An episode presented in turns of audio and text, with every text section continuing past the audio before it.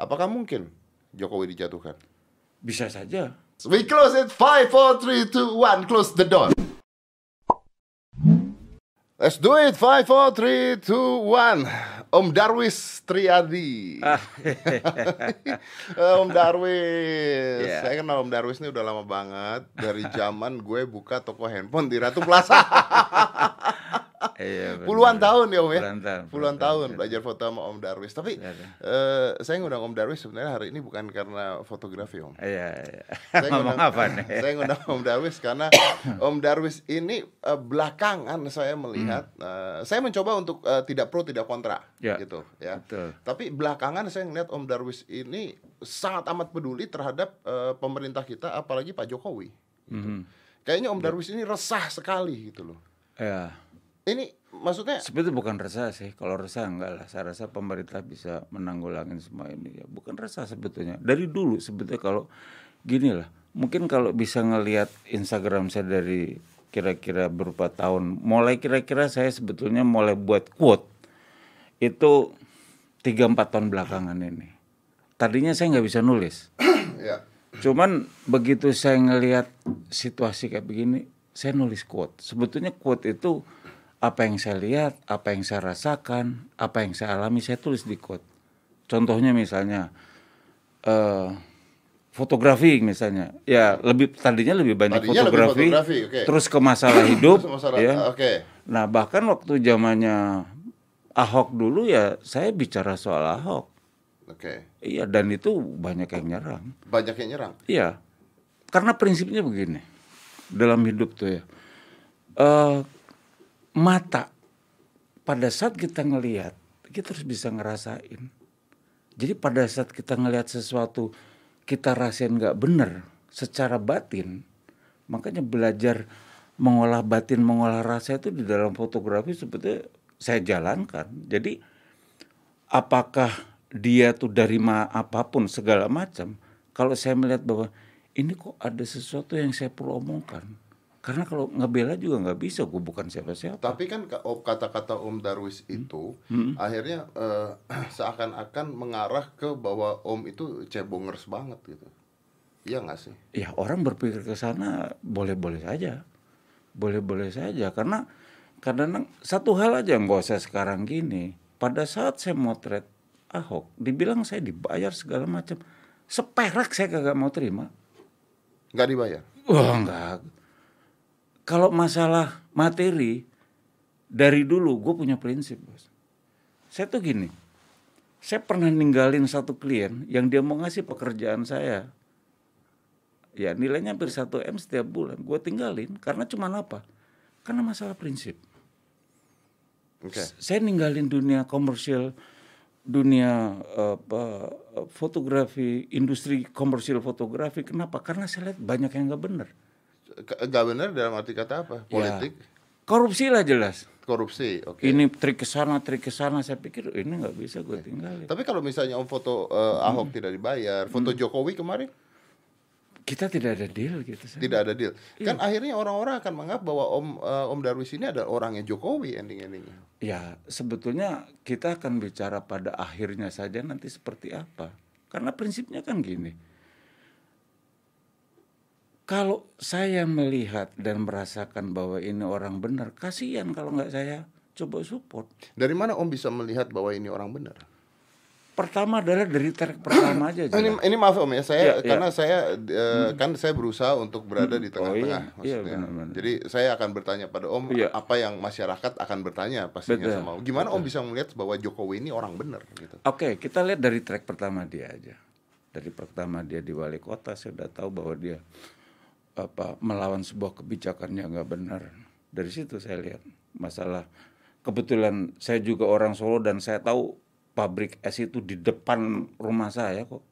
Gimana saya nggak tahu dia ngelawan itu dan kalau saya ngelihat pada saat itu saya tidak belum belum menemukan seorang pejabat negara yang berpikir ke sana Oke. Dengan keberanian itu. Dengan keberanian itu. Ya, terus sudah saya nggak pernah mempersoalkan masalah mobil SKM segala macam tetek bengek ini sampai akhirnya di Jakarta dia masuk Jakarta kan.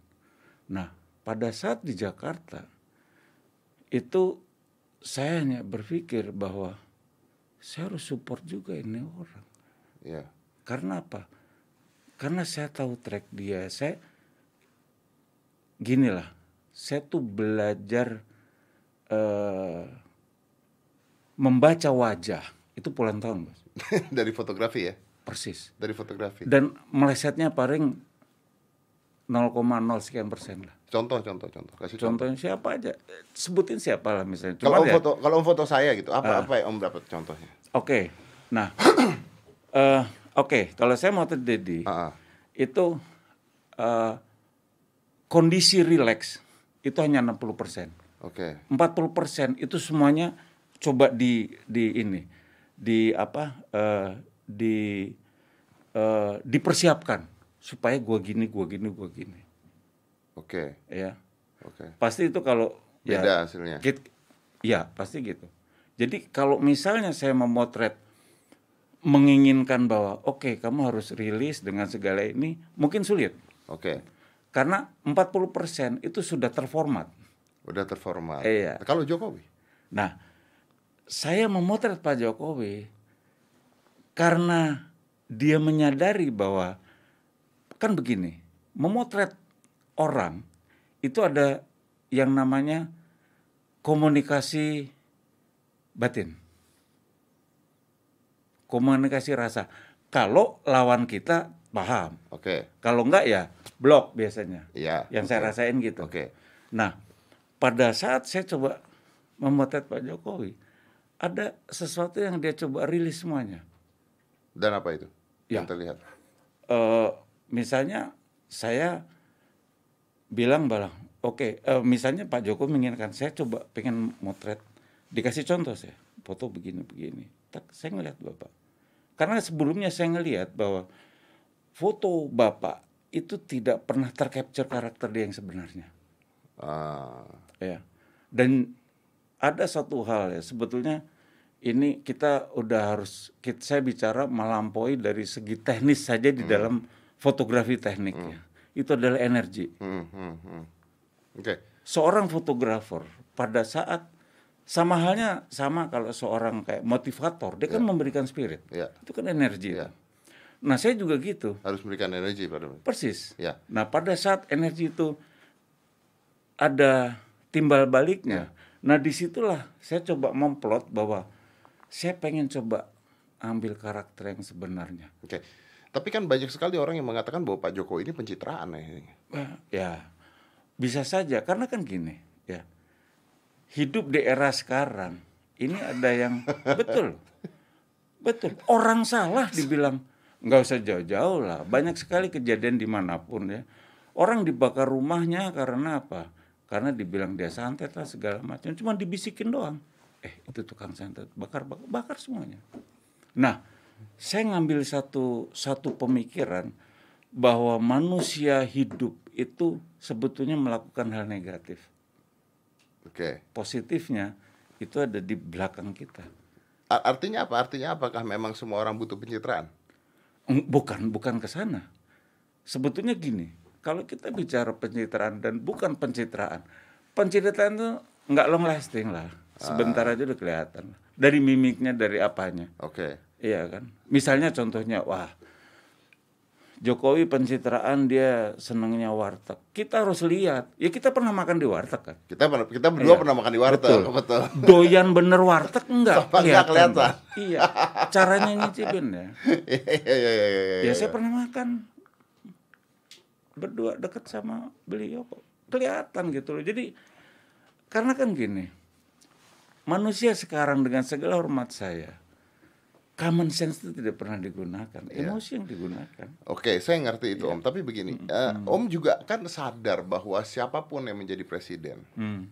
artinya akan banyak titipan.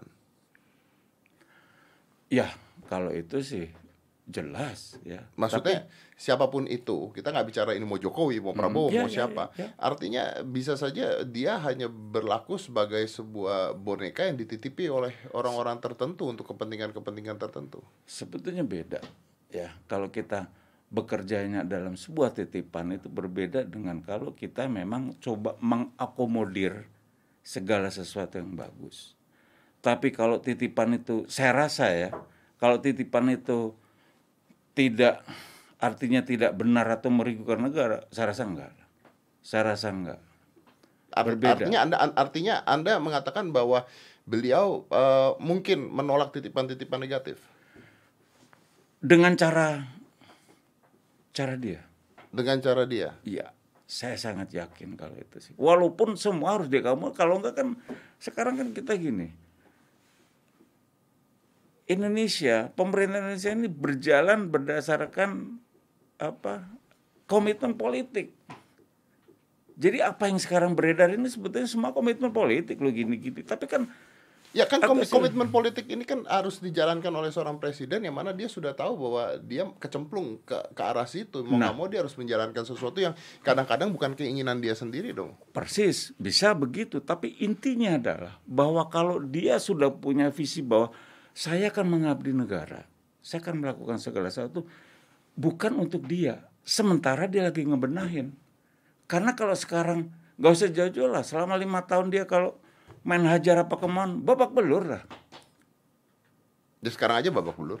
Ah, babak belur tapi belum membuat sebuah tindakan yang drastis menurut saya. Nah, tapi kenapa? Kenapa sekarang banyak orang yang protes karena gini, Pak Jokowi kan kok nggak kok diam aja terus kata-kata yang terkenal adalah di meme-nya ya itu bukan urusan saya. Anda tahu kan itu kan hmm. Om Darwis gitu. Hmm, hmm. Jadi akhirnya kan pemerintah uh, mungkin masyarakat menginginkan ini kenapa tidak ada presiden yang tegas contohnya seperti itu. Sulitnya kan kayak begini sederhana aja lah. Kita nggak usah ngomong Pak Jokowi. Dari level penjaga keamanan negara, polisi, tentara. Lihat nggak videonya yang orang demo nginjek ngeludain segala macam ngeledek. Hmm. Saya pernah punya pengalaman di Dubai, ya. Begitu masuk X-ray waktu saya datang karena kebetulan di sana saya bawa apa uh, laser pointer. Hmm. Waktu saya masuk ke ke pabean ke custom dia suruh buka ininya tiga ya. hari saya melakukan kegiatan di sana saya pulang. Laser pointer tetap ada. Begitu masuk ke X-ray dibanting itu saya. Saya cuma bilang saya mau ngomong udah nggak bisa ngelawan. Saya bilang fuck you saya bilang. Gue ditangkap bos. Dua jam gue masukin nggak ada dia dilin artinya apa? Artinya hamba negara orang yang menjaga keamanan entah polisi entah apa kita juga harus respect adiknya dia satu contoh di Amerika. Mumpung ada contoh aja. Dia cuman baru ngelawan ya. Ngelawan kayak gitu. Tangkap dua tahun. Di jail di poli di Amerika. Nggak ada cerita. Kita nih ngeludain nge. Contohnya paling sederhana gini. Saya punya sahabat di Pekanbaru. Kapolresta Pekanbaru. Dia uh, udah selesai mau mau maghrib kalau nggak salah dia ceritain kemarin. Dia jong duduk. Udahlah kita duduk loh apa yang terjadi? Itu semuanya demonstran ngejatuhin dia. Tumbang lah dia. Hmm. artinya artinya Om Darwis mengatakan bahwa di Indonesia ini ada kebebasan yang kebablasan. Persis. Persis. Saya kalau ngelihat ya saya banyak kenal mahasiswa sih. Nah sekarang ini sebetulnya satu contoh lah ILC kemarin saya lihat sebelah. Ada seorang mahasiswa itu bisa seolah dia tuh telah berjuang sama bangsa dan negara itu dengan gaya yang arogan. Dia bisa ngedikte Pak Muldoko kan gila. Kan gila tuh menurut saya. Dengan ya saya dengan segala hormat dengan teman-teman mahasiswa lah. Ya gue tua gini juga jiwa gue muda lah karena saya banyak ngajar di siswa di sana. Saya sebelum ke mahasiswa uh, Darwis. Hmm. sebenarnya menurut anda Indonesia ini sekarang sudah masa kritis kah? Belum, enggak lah. Ini Belum. sebetulnya tapi masa... kenapa tapi kenapa kalau Anda mengatakan ini tidak masa kritis? Saya ngelihat bahwa sebenarnya di sosial media malah yang banyak adalah orang-orang yang keras. Hmm. Ke mana orang-orang yang nggak keras itu ke mana? Ya mungkin sebetulnya nggak penting juga dilayani sebetulnya karena sekarang ini perang kalau nggak dilayani kalau tidak dilayani iya. maka yang keras akan menang loh nah sebetulnya begini tinggal tunggu masanya. Sebetul kebetulan saya bukan bukan pemerintah yang bisa buat kebijakan, tapi saya membaca dari uh. dari dari konstelasi ini dan sebetulnya ini bisa terbaca lah. Tapi masalahnya kan pemerintah juga menghargai segala sesuatu yang kaitan dengan hak asasi manusia kan. Tapi yang melakukan itu kadang lupa. Sekarang lihat aja coba. Begitu banyak orang yang sok pakar, eh saya kadang-kadang ngeliatnya mukanya aja udah kayak begitu. lo bener loh. Gue ini tukang baca muka. Bener, tapi saya lihat nggak honest dia dengan gaya yang arogan. Wah gini Jokowi gini segala. Dalam hati gue, dia ngelakuin apa gitu loh. Banyak loh sekarang kayak begitu. Pakar ini, pakar itu. Nanti begitu dia dikasih kedudukan apa, cep, diam. saya ngeliat track dari dulu sebelumnya soalnya. Ya gue umur udah 65 tahun bos. Jadi artinya saya tahu ngalamin sebuah tiga dekade, saya banyak membaca. Dan kebetulan bapak saya bilang, satu-satu hal yang jangan kamu lakukan adalah main politik. Jangan politik ya. itu jahat, jangan. Jangan. Tapi kamu harus melek politik. Tapi tapi Anda Om Darwis, tapi Anda kalau Anda mengatakan Anda tidak main politik, tapi dari postingan-postingan Anda Anda main politik loh Om Darwis. Sebetulnya bukan. Karena ini sebetulnya ungkapan. Sekarang contohnya kayak gini. Ya, gue ngelihat sekarang orang baik selalu dijahatin. Kenapa? Ya karena orang jahat udah susah melakukan sebuah kejahatan. Jadi orang baik yang kena. Hmm. Terus orang baik kenapa diam aja? Takut. Oh enggak, bukan takut dia. Ada caranya nanti. Karena nggak usah jauh-jauh, nggak usah kita bilang takut. Baru dikasih water cannon aja bilang. Arogan bilang hak asasi segala macam. Iya kan? Akhirnya apa? Itu menjadi satu senjata. Akhirnya apa? Sekarang kan sederhana. Yang yang terjadi sekarang itu membuat sebuah konstelasi politik makin kacau kelihatannya segala macam nanti inti-intinya apa? Ya DPR bersidang di image mau ngacoin pelantikan. Sederhana itu kok. Kenapa pertanyaannya? Pelantikan. Ya karena mau ada kebijakan-kebijakan yang merugikan orang yang nggak benar semua. Artinya Anda mengatakan bahwa ini desain. Ya jelas lah. Anak kecil baru lahir juga tahu kalau ditanya desain eh iya, pasti bisa. pasti bisa. Iya. Tapi kalau Om mengatakan ini desain, ah. berarti kan eh ya kita nggak usah ngomong siapa yang desain ya, karena yang desain Iya. kayaknya udah di luar-luar sana lah ya. Persis. Udah mungkin bahkan saya nggak ngerti, mungkin bahkan bukan Indonesia yang desain bisa aja gitu. Bisa banyak. Iya kan? Ada beberapa negara banyak. Mungkin yang desain negara luar Bisa gitu. Itu itu. bisa terjadi gitu Bisa. kan supaya negara Iya. kita kacau. Iya. Kalau negara kita kacau, status quo bisa diambil negara Persis. kita. Karena politik jelas kan kondisi kondisi politik di Indonesia ini kita lihat dari deka dari masa ke masa itu kan begitu pas kelihatannya negara asing itu udah mulai capek ngeliat ini kok segala macam dia pasti intervensi. Iya betul. Caranya gimana? Nah, Nah, itu dia. Nah, karena apa? Caranya apa? Kita bagi kongsi, konsorsium dengan orang-orang yang selama ini memang melakukan ketidakbaikan di Indonesia. Masalahnya kan masyarakat harus melek, harus sadar. Sederhana menurut saya gini. Kenapa Malaysia tuh lebih maju dari kita? Singapura juga. Kenapa? Tahun 60 rumah gua itu menjadi kos-kosan teman-teman di Malaysia. Belajar di sini. Dari tahun 60-an sampai banyak diangkat jadi anak Belajar angkat ibu saya. Belajar di ITB, di Unpad, di se- segala macam. Kalau belajar di sini artinya Indonesia harusnya lebih baik dong. persis. Kenapa sekarang kita mendem? Nah, kenapa? Mental kita nggak kayak mereka. Mental kita Persis. tidak seperti mereka. Idealisme kita nggak ada, nasionalisme kita makin berkurang. Oke. Nah, nasionalisme gua dari dulu sampai sekarang karena bapak saya tentara, saya bilang kamu kalau nasional kamu hilang, gua potong lu burung lu. Jadi satu contoh sederhana aja. Dari dulu saya benci Amerika dengan segala hormat saya. Berapa kali saya diundangin pameran di sana. Bahkan dubes minta, nggak mau gua. Gua I don't care with Amerika gue. Ya gua nggak ngomong kasar aja di sini. Tapi intinya itu karena apa?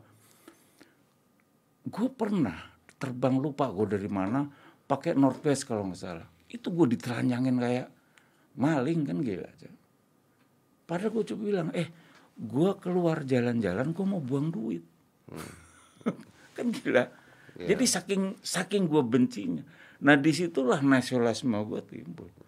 Dan dan saya pernah dengar juga justru mungkin negara-negara adidaya maha kuasa tersebut adalah negara-negara yang mau mengambil Indonesia. Persis. Mereka bicara soal hak asasi manusia. Saya sampai bawa videonya saya kalau udah nanti mau lihat ya. Polisi mereka sadis loh. Orang demo perempuan dijambak di kita nih enggak loh.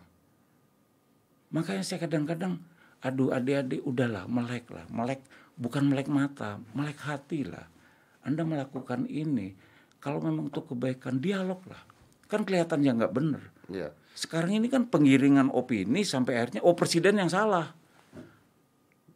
asap dibilang presiden salah stupid kan begitu am di mana mana juga hutan kebakar kalau ini Tapi kan dikatakan ada yang membakar terus Ya. begini udah gitu Ya, dikatakan sekarang bahwa presiden diam saja kan. dan sebagainya. nggak bukan diem dia nggak banyak ngomong tapi banyak bekerja juga kan banyak yang udah ditangkepin kan nggak bisa begitu saja kalau ditakemin gebukin digantung nanti hak asasi lagi Iya, kena. hak asasi lagi ya. pada banyak kena dari ya. perusahaan. Malaysia kan yang kena Ya. Nah, Om sendiri ini kan sebenarnya vokal kalau menurut saya karena saya belakangan liatin Instagram eh, Om Darwis ya.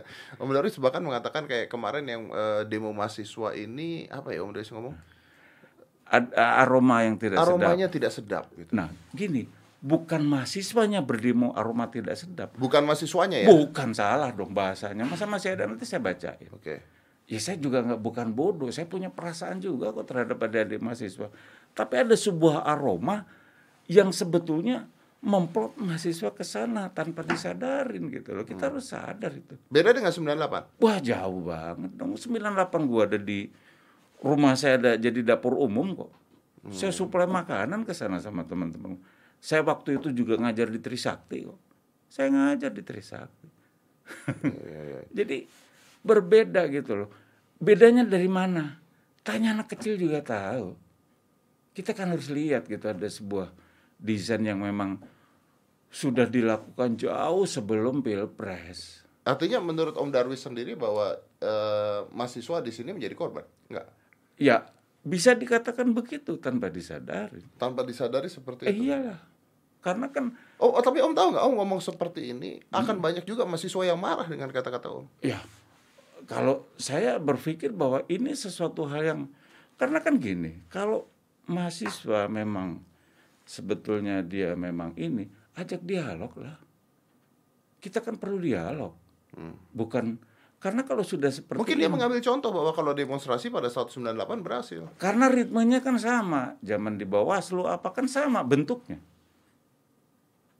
Perhatikan deh sama semuanya. Polanya sama, ritmenya sama supaya ini gitu loh. Jadi kita saya sedih aja ngeliat begini gitu. Ada ada beberapa kalau nggak salah di TV atau di Hmm. mana gitu ada orang-orang yang ketangkap bahkan mereka nggak tahu demonya demo apa. Ya seperti itu itu contohnya kan. seperti itu contohnya. Jadi kita sangat menyayangkan itu saja. Nah Om ketika ngomong itu seperti Ah. itu, apa nggak keluar haters-haters itu? Oh banyak lah, banyak. Kalau saya pikir kayak gini, saya setiap melihat hater, saya ngelihat kondisinya seperti apa dulu. Saya lihat dia, ternyata ya dia cuma abal-abal ya saya diliatin aja udah gampang. Anda buang-buangin aja. iya, ada yang meng- memang misalnya dia seorang oh, katakanlah mahasiswa dia marah ya saya cuma terangin bahwa saya salah, jangan salah. Saya bukan bukan mm, artinya tidak setuju atau menyalahkan mahasiswa tidak. Baca dulu saya bilang. Bacalah tulisan. Saya juga bukan orang bodoh dan saya melakukan itu untuk apa? Nggak nggak pro ke sana ke sini cuman saya berpikir bahwa ini sayang track kita udah bener untuk Indonesia maju apa kita mau kayak Syria masalahnya kan nggak bisa kalau begini Ada berita juga ya katanya ada lembaga yang ngasih brief sebelum demo. Ya itulah. Ya kita itu udah karena sekarang media sosial udah belang-belang ke mana-mana ya kita tahu kan. iya kan. Kan sebetulnya sederhana. Yang diributkan ini kan rancangan undang-undang KPK satu Heeh. diributkan. Terus ah, it- eh. itu juga sudah akan coba di dinegosiasi. Tapi pertanyaan saya, sebuah undang-undang dibuat itu berdasarkan memang walaupun semua juga keputusan politik lah, ya nenek-nenek Pasti, juga tahu lah. ya. Tapi kan artinya pada saat dibuat itu ada dua hal. Memang bahwa ini sebuah kesepakatan atau ini sebuah sesuatu yang tiba-tiba ah supaya gua ada bargaining, gua keluarin last minute bisa saja. Bisa. Karena itu orang politik semua. Kita nggak pernah tahu. Tapi masalahnya kita nggak pernah tahu mana yang benar mana yang enggak Ah, juga. justru. That- Ah, that's- Oke that's the lah. point, kan. Tapi kan gini, secara kasat mata kita bisa ngelihat bahwa poin-poin di dalam rancangan undang-undang itu ada memang sebetulnya juga yang nggak nggak salah lah. Mm-mm. Kan orang bilang dilemahin KPK. Sekarang bisa bayangkan kalau KPK itu terlalu kuat. Padahal orang-orangnya di dalam orang itu kan manusia Ya. kan. Kalau manusianya ternyata tidak benar. Persis.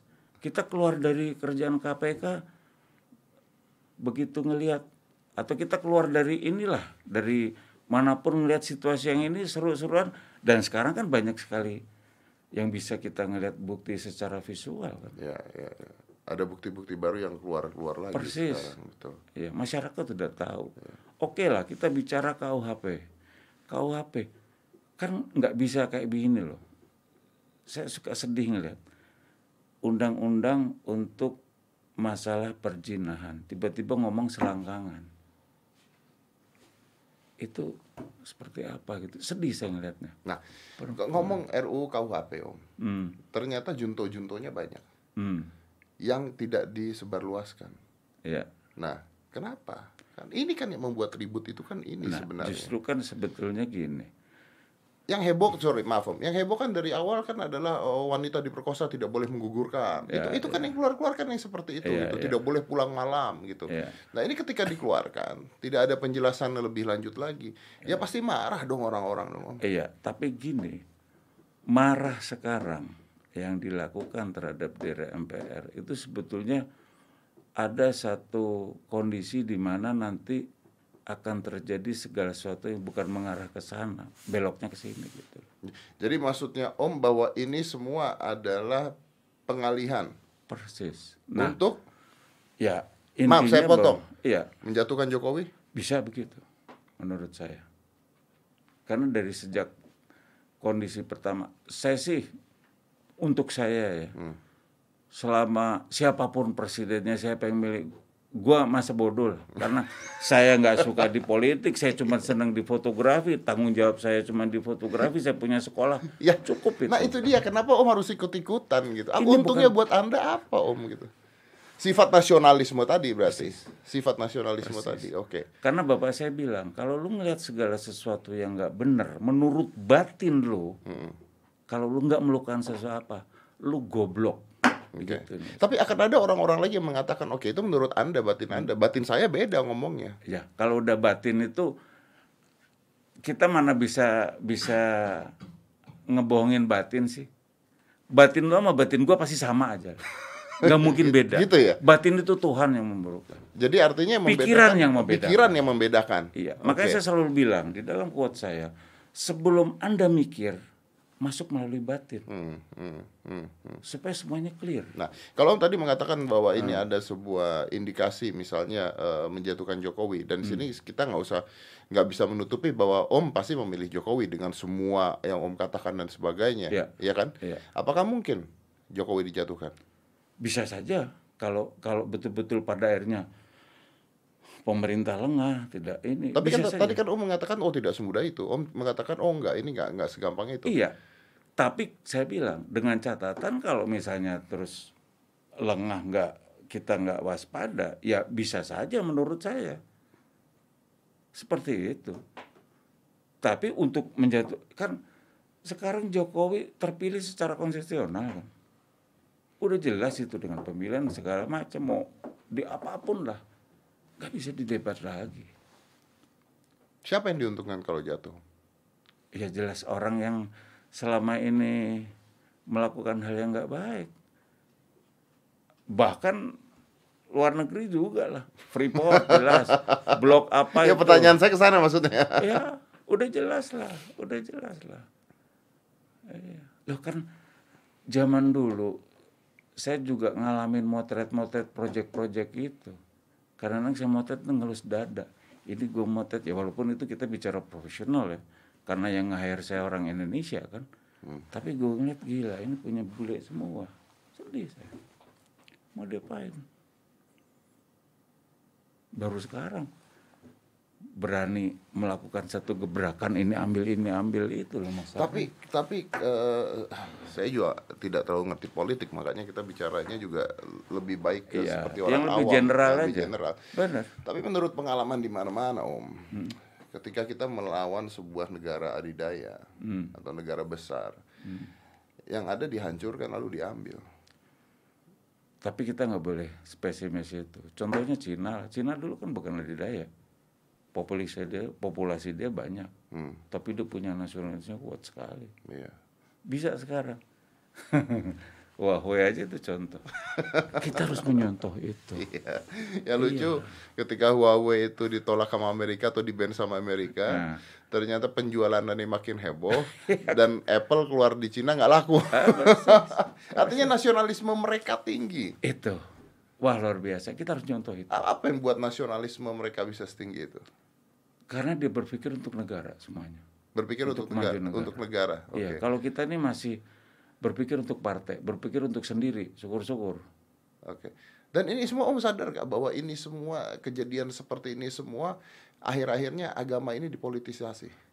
sangat tahu persis. Makanya tuh nggak ada begini. Saya kadang-kadang bicara.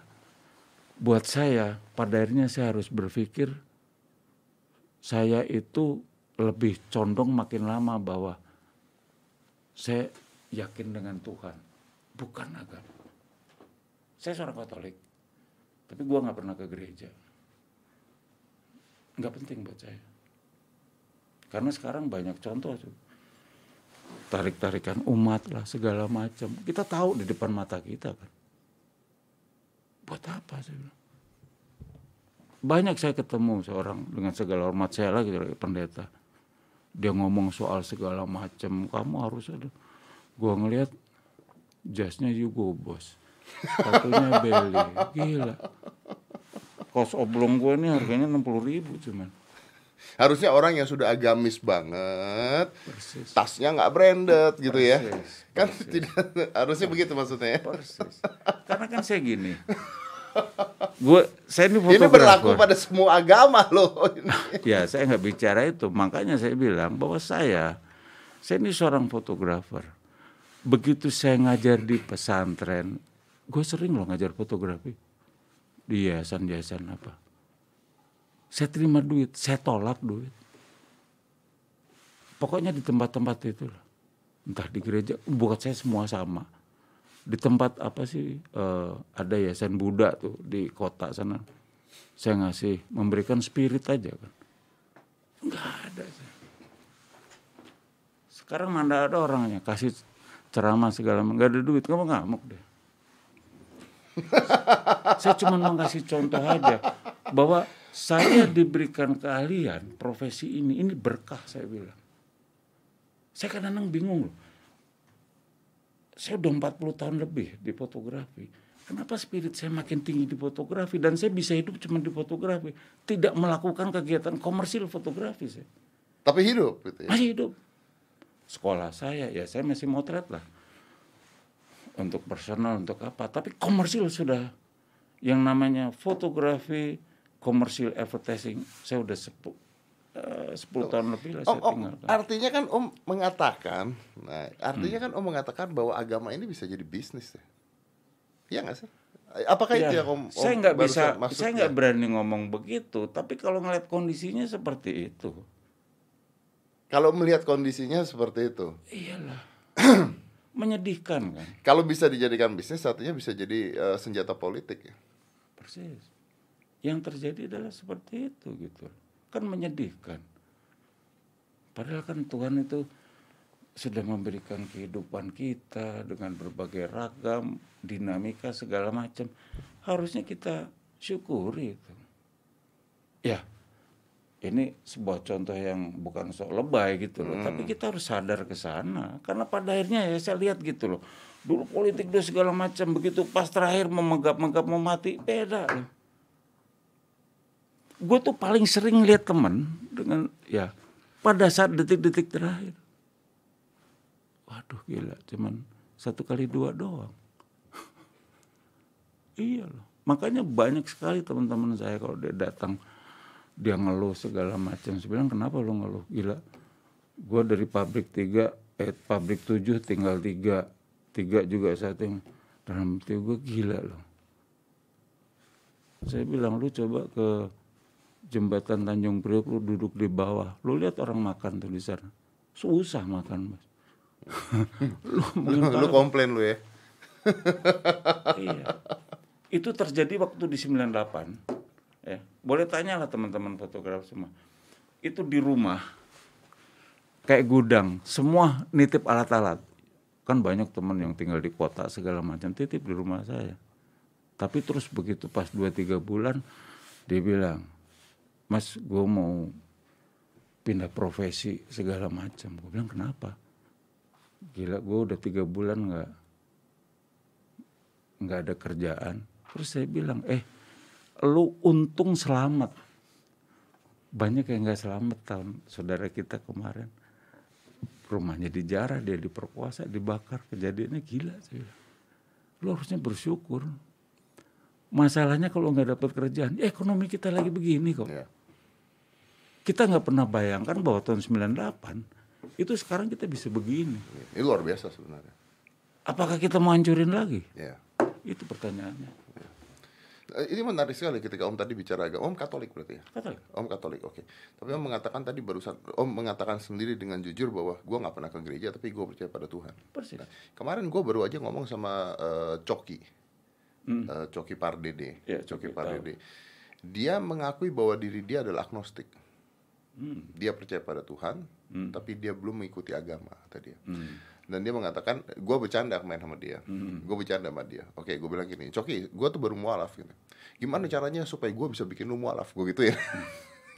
Iya kan? Terus ya, tapi dalam hal eh, ini ya eh, light light talking ya, karena kan kita kita pikiran terbuka ketika kita bicara gitu. Uh, dia mengatakan hal yang menarik sekali. Jadi dia punya prinsip bahwa humanity above religions Ya. Humanity above religions. Karena nah saya nanya apakah anda mengatakan ini karena anda kecewa melihat apa yang terjadi sekarang? Gitu. Ke ke cokinya. Nah, tapi cokinya mengatakan saya bukan kecewa tapi saya tapi dia lebih bahwa eh, ya sebenarnya yang harus diurus ini adalah manusia manusianya dulu ini loh. Kasih sayang antar manusianya dan sebagainya. Itunya yang harus dilihat gitu. nah kalau saya tanya sama om apakah karena om kecewa? Enggak. Gini loh, ada sebuah proses di dalam kita menjalani hidup. Eh, pada akhirnya kita, saya pribadi, saya berpikir ternyata di dalam proses berkehidupan ini yang paling penting belajar caranya hidup. Karena kita sudah belajar caranya hidup, berarti kita mensyukuri arti hidup. Mensyukuri arti hidup, artinya kita bersyukur pada Tuhan. Jadi kita paham akan Tuhan. Jadi pada saat satu contoh aja, kita ngalamin musibah, ya kita harus sudah terima. Eh, tapi kan it- itu pun yang diajari oleh agama Ya, betul. Tapi sekarang kalau misalnya kita bertemu ya dengan sahabat lah segala macam yang berbeda agama, pada akhirnya kan terjadi satu konflik pemahaman kan. konflik Lu gini pemahaman. gini. Oke. Buat saya akhirnya kenapa begitu? Ya memang ini terjadi sekarang Eh, sekarang aja kena- dulu enggak. Saya mengatakan juga sama Coki, konflik pemahaman, konflik keributan antar agama itu itu baru belakangan saja Iya hebohnya, makanya Om. justru itu. Tapi pada akhirnya saya hanya berpikir seperti ini.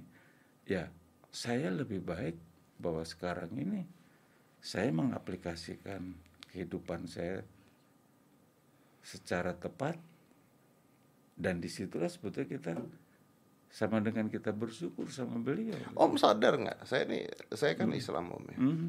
Islam pun dipecah-pecah pemahamannya. Ya, Ada yang begini, ada yang Iya. begini. ya. Kristen pun begitu loh. Oh iya justru. Mm-mm. Iya Kristen banyak sekali. Kalau Katolik cuma satu kan. Kristen pun begitu dipecah-pecah Iya. lagi dan sebagainya. Betul. Nah, arti, Pertanyaan saya yang macam-macam siapa coba? iya kan? Masa Tuhan macam-macam? Enggak kan? Jadi sebetulnya padahal manusia kan. manusia. ya. Iya, makanya saya bilang ya begini. Saya belajar fotografi hampir 40 tahun. ternyata teori fotografi itu banyak salah. Tapi karena teori fotografi itu yang membuat manusia, saya dengan yakin bukan Tuhan, saya coba rubah. Ah, Tapi kalau itu agama saya nggak berani. Itu dia. Jadi dari pemahaman saya karena begini, saya mendapatkan ilmu fotografi itu prosesnya berbeda dengan orang-orang. Prosesnya selaras dengan saya jalanin hidup. Makanya kenapa makin ke sini mah makin spirit. Saya berpikir hidup kalau udah tua nggak ada spirit ya lu mati aja. hmm. Akhirnya itu yang saya terapkan. Nah, pada akhirnya karena saya begitu melek segala macam dan hampir dalam deka 10 tahun ini saya coba belajar mengolah rasa saya, lebih tepat mengolah energi saya. Pada akhirnya apa? Ya gue ngeliat yang nggak benar gitu loh. Ada yang ngeliat benar, ada yang ngeliat nggak benar. Nah, kembali ke pertanyaan tadi, kenapa saya jadi politik? Bukan politik yang saya omongin. Segala sesuatu yang ada di benak saya, ini kok begini sih? Saya ngomong. Kalau enggak, ya enggak. Sebetulnya yang terjadi sekarang perubahan. Sejak kalau saya hitung ke belakang, sejak Ahok lah. Ada terjadi sebuah perubahan pemikiran untuk ini, kenapa begini? Wah mulai itu kan. membuka pintu ya. Bukan, artinya pada saat muncul satu sosok dengan pemikiran kayak begitu, terjadi perlawanan kan. Iya. Nah, akhirnya saya berpikir, saya ngalamin soalnya. Kadang-kadang di dalam perjalanan hidup saya juga saya bilang, lo harus melakukan kayak begitu. Eh, saya malah disalahin. Padahal menurut saya begini. Di dalam perjalanan saya fotografi loh. Oke. Makanya kadang-kadang ada beberapa yang ini gue tinggalin. Buat apa saya di situ? Tapi batin saya sakit. Sebetulnya sama ini gitu. Katakanlah suatu saat pemerintah gak benar, ya gue gua akan ngomong lagi. Itu persoalannya gitu. Karena kalau enggak, suatu saat kita mati percuma. Tapi Kita kan- tapi kan ketika ketika Om mengatakan seperti itu, maka akan banyak orang yang mengatakan juga ke Om, Mm. Anda ini siapa? Anda ini cuma fotografer terkenal, bukan cuman ya. Iya. Anda ini seorang legenda fotografer. Ngapain Anda Banyak ngomongin- yang ngomong gitu. Ah, ngapain Anda ngomongin hal-hal yang udah lu, Biarin ngomong, lu ngomongin fotografi aja. biarin saja kan manusia sebetulnya kan gini yang bisa menilai gue tuh bukan manusia Tuhan manusia ngomong apa silakan lah dia punya mulut punya apa kok iya kan kecuali kita suruh eh gue kasih duit lu jangan ngomong gitu ya ah, mau kalau enggak duit gue ambil tapi kalau enggak dia mau ngomong apa aja eh buat saya masalah Nah, yang Om dapat apa dari ngomong itu semua? So- Batin. janji batin saya. Karena kalau saya tidak melakukan itu, batin gue sakit. Oke, Akhirnya gue akhirnya inget sama bapak gue. oke. Bapak saya udah almarhum, ya. Dan komunikasi batin saya masih kuat sampai sekarang. Anda tahu nggak Om Darwis, Hmm. ketika Anda mengatakan sesuatu yang kontradiktif dalam satu hal, Hmm. Anda juga akan kehilangan klien. Wah itu lebih nggak penting lagi untuk saya. Karena buat saya duit itu nomor 73. Bener, loh gini, saya ceritain. Tapi gue tahu. Saya ceritain. Iya, iya, iya. ada orang ngasih kerjaan yang saya bilang tadi, saya tinggalin kok. Saya ada dua hal di dalam di dalam peristiwa hidup saya kalau saya mau kaya raya. Pertama ada orang mau nitipin batangan emas dua koper. Iya kan? Dia saking percaya, Mas, gue titip lu, jangan. Gue bilang, enggak, gue rasanya nggak enak segala macam. Eh tiga hari kemudian dibunuh dia. Wah, saya sedih. Oh, berarti pada saat dia ngomong itu memang dia lagi kebingungan gitu loh. Tapi kalau saya ah terima aja. Dapat tuh ya. Ya kalau itu kan itu kan rezeki nggak dosa lah. Iya, iya, iya. Tapi kalau yang ini yang saya bilang bahwa kalau saya jalankan, saya terima ini order, tapi dengan kondisi batin saya, saya masih begini nggak sih? Buat apa saya bilang? Itu duit setan dimakan Jin. jin nanti. Dan banyak yang terjadi. Loh, banyak loh. Makanya saya bilang, saya tuh banyak ketemu teman. Ya sekarang seumur gua udah pasti pensiun dong. Iya, iya. Begitu pensiun saya sakit segala macam. Saya sering bilang, nah kan gua bilang ingat gak lu? 20 tahun yang lalu. Duit setan kemakan jin. Nah lu sekarang jinnya saya bilang gitu. Udah. itu terjadi. Jadi sebetulnya ya itulah saya bilang manusia tuh hidup kan belajar. Ya. Kita dikasih panjang umur ya coba sesuai dengan ini. Sesuai dengan eh, Persis. Ya betul. Jadi artinya Om Om sekarang melakukan apa yang menurut batin Om benar. Persis. Dan tidak ada salahnya ketika seseorang menurut batinnya benar. Karena batin itu sebenarnya sama hanya pikiran yang berbeda-beda. Pikiran yang berbeda. ya. Oke. Kan selalu bilang batin om sama gua. Berarti Tuhan tuh beda sama gua dong. Tuhan kan ngasih batin. Nah, Orang kalau bilang malaikat kan. Iya. Sampai selalu ya ini saya bilang ini di luar konteks kita bicara apa eh, mengenai agama ya saya bilang orang lahir tuh melakukan negatif tapi ada yang kontrol namanya malaikat kan Ya. anak kecil juga tahu gitu loh nah kita dikontrol tapi suatu saat kita tuh hilang kontrol nah itu yang terjadi sekarang Oke, sih. mungkin pertanyaan eh, terakhir untuk yang ini nih Om. Eh, jadi gimana Indonesia sekarang? Indonesia ini sebetulnya sekarang dalam situasi belajar bahwa kita semua harus mencintai dan punya na- nasionalis yang tinggi. Nah ini sedang diuji sekarang ini sebetulnya. Diuji dengan hal kaitannya dengan ya memang sebetulnya untuk melakukan sesuatu yang yang baik itu pasti banyak sekali kendala-kendala yang tidak baik gitu loh. Sama itu Bisa dalam selamat kah? Bisa, saya yakin bisa, Bisa. sangat bisa. Mudah kah? Karena Tidak. nggak mudah, tapi bisa. Eh, optimis kah? Optimis dong, harus optimis lah.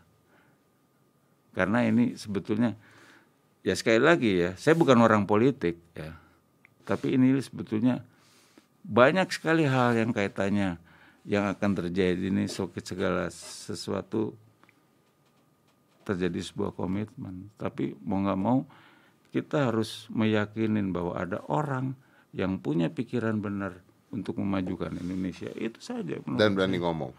dan berani ngomong. Cuman masalahnya kan gini, ada sebuah karakter yang terbentuk dari budaya. Saya orang Jawa, saya jarang ngomong. Persis, bener. Jadi saya kadang-kadang kalau ini saya nggak bisa marah. Baru terakhir saya panggil tuh orang, lu gini-gini. Nah, beda waktu kecil, waktu muda, makanya saya kalau sekarang lagi ngobrol sama teman-teman zaman muda, wah zaman dulu mah kalau kita ngeliat orang gitu masuk disolokan kita gebukin, Gebukin. tapi kan beda Iya, kan. betul, betul. Kan udah beda eranya. Nah di situlah sebetulnya eh, yang yang kita harus memang jalani, tapi keyakinan harus ada. Keyakinan harus ada. Iyalah untuk bangsa Indonesia kita kan berpikir untuk generasi kita. Tetap persatuan Indonesia Om ya. Iyalah. Oke. Ini luar biasa banget karena eh, ya Om Darwis bicara seperti ini nih jarang banget dan biasanya cuma ngasih quotes quotes doang di Instagram. Makanya saya penasaran gitu apa apa sih isi otak dari Om Darwis ketika ketika dia memberikan quotes quotes tersebut Ah. itu. Makanya saya mikir saya diundang Deddy. Mau ngapain? dijebak nih. Tapi nggak apa-apa, biar masyarakat tahu. Tapi gitu. gini Om, kalau tidak banyak orang yang berbicara, Iya. akhirnya kita dikalahkan oleh orang yang berani bicara. Persis. Gitu. Betul. Tapi bicara yang benar. Kalau sekarang yang kan yang banyak benar. orang yang sok bener gitu. Iya, itu betul. masalah. Itu yang jadi masalah. Oke, tapi untuk Indonesia maju lagi Om. Maju ya. lagi. Oke. Kita harus We close it 5 4 3 2 1 close the door.